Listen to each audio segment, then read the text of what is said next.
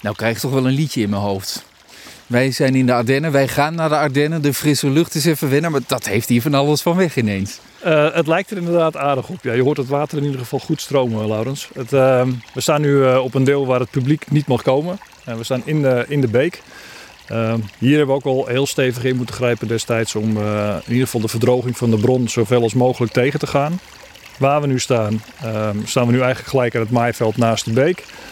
En voordat de maatregelen waren uitgevoerd, uh, stond het maaiveld waar we nu staan zo'n 80 tot 90 centimeter lager. Dus de beek was echt heel diep ingesleten in het, land, uh, in het landschap. En uh, alle oude stuwtjes die er vanuit de historie hebben gelegen, die waren eigenlijk allemaal ja, weg, kapot, ehm, uitgesleten. Dus die hebben op verschillende plekken hebben die teruggebracht. Die zie je nu terug in de vorm van, ook van betonelementen. Die hebben we niet heel diep in de grond gebracht. Um, dat hebben we vooral gedaan om ervoor te zorgen dat, uh, dat het water wat oppervlaktig door de beek heen stroomt, uh, gewoon over de bodem van een beek heen kan stromen. Maar onder de bodem van zo'n beek stroomt ook grondwater. Um, en om te voorkomen dat het ook daar weer tegen zo'n stuw aan zou knallen en um, daarmee een, ja, zijn eigen weg zou gaan zoeken op plekken waar het niet echt uh, handig zou zijn, hebben we hier vooral ondiepe stuwtjes aangebracht van 60 centimeter diep. Het water kan er enerzijds onderdoor en doordat we zand met steen hebben aangebracht in de beek, kan het, uh, de beekbodem vervoert dan gewoon het water wat uit de bron vandaan komt. Ja, precies. En zo is het 90 centimeter, zei je geloof ja. ik dan, hè, ja, opgehoogd. Sommige, sommige, plekken wel, ja. Ja, dat is best een behoorlijke verhoging die er dan in is gekomen. En je noemt ook uh, dat het met, met, met betonnen delen is gebeurd. En als je dat dan voor je ziet en je hoort dat voor het eerst, dan zie je een soort van betonnen bak voor je. Maar het gaat best goed op in de natuur hier.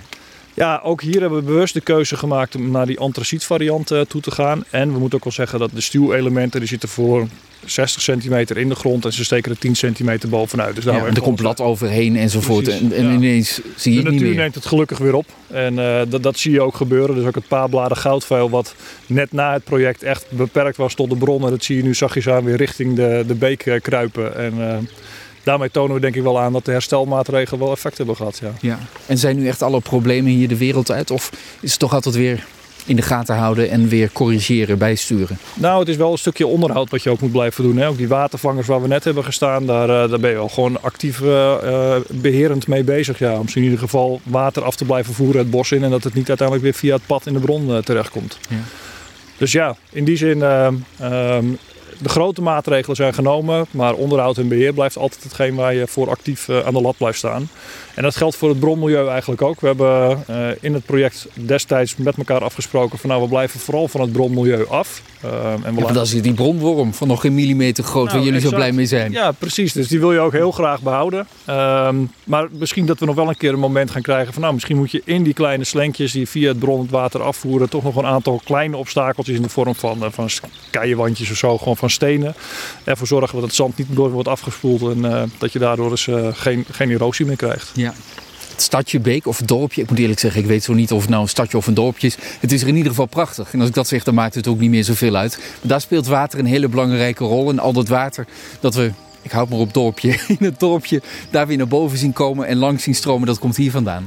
Dat komt voor een deel hier vandaan, dat klopt absoluut. En wat het mooie is, vind ik, van Beek is dat ze al volgens mij in de jaren 90 heel actief bezig zijn geweest met het loskoppelen van het hemelwater, van het rioolwater, uh, met het project Water Werkt. En op verschillende plekken in het dorp zie je het water inderdaad uh, door, ja, eigenlijk door, de, door de goot heen lopen. En daar wandel je op sommige plekken ook gewoon overheen. Dus ja, goed vooruitgezien inderdaad. Ja, ja, het is een mooie plek in het voorjaar. En de natuur hier ook prachtig. Als je nou het mooiste plekje van Gelderland hè, qua natuurgebieden in gedachten neemt, dat is een 10. Wat voor cijfers zou je dit, dit gebied dan geven? Nou, dit komt wel op een goede 9 uit, denk ik, de Heerlijkheid Beek. Um, we hebben hier wel een aantal plekken. Hier mogen natuurlijk het publiek niet komen, maar vanaf de bovenkant kun je de bron heel mooi zien. Je kunt de Elyseese velden zien. Um, ja, dat zijn wel uitzichten die, uh, um, die wel fraai zijn en voor mij uh, uh, wel een 9 tot een 9,5 waard zijn. Ja. Dankjewel voor een mooie ochtend. Graag gedaan.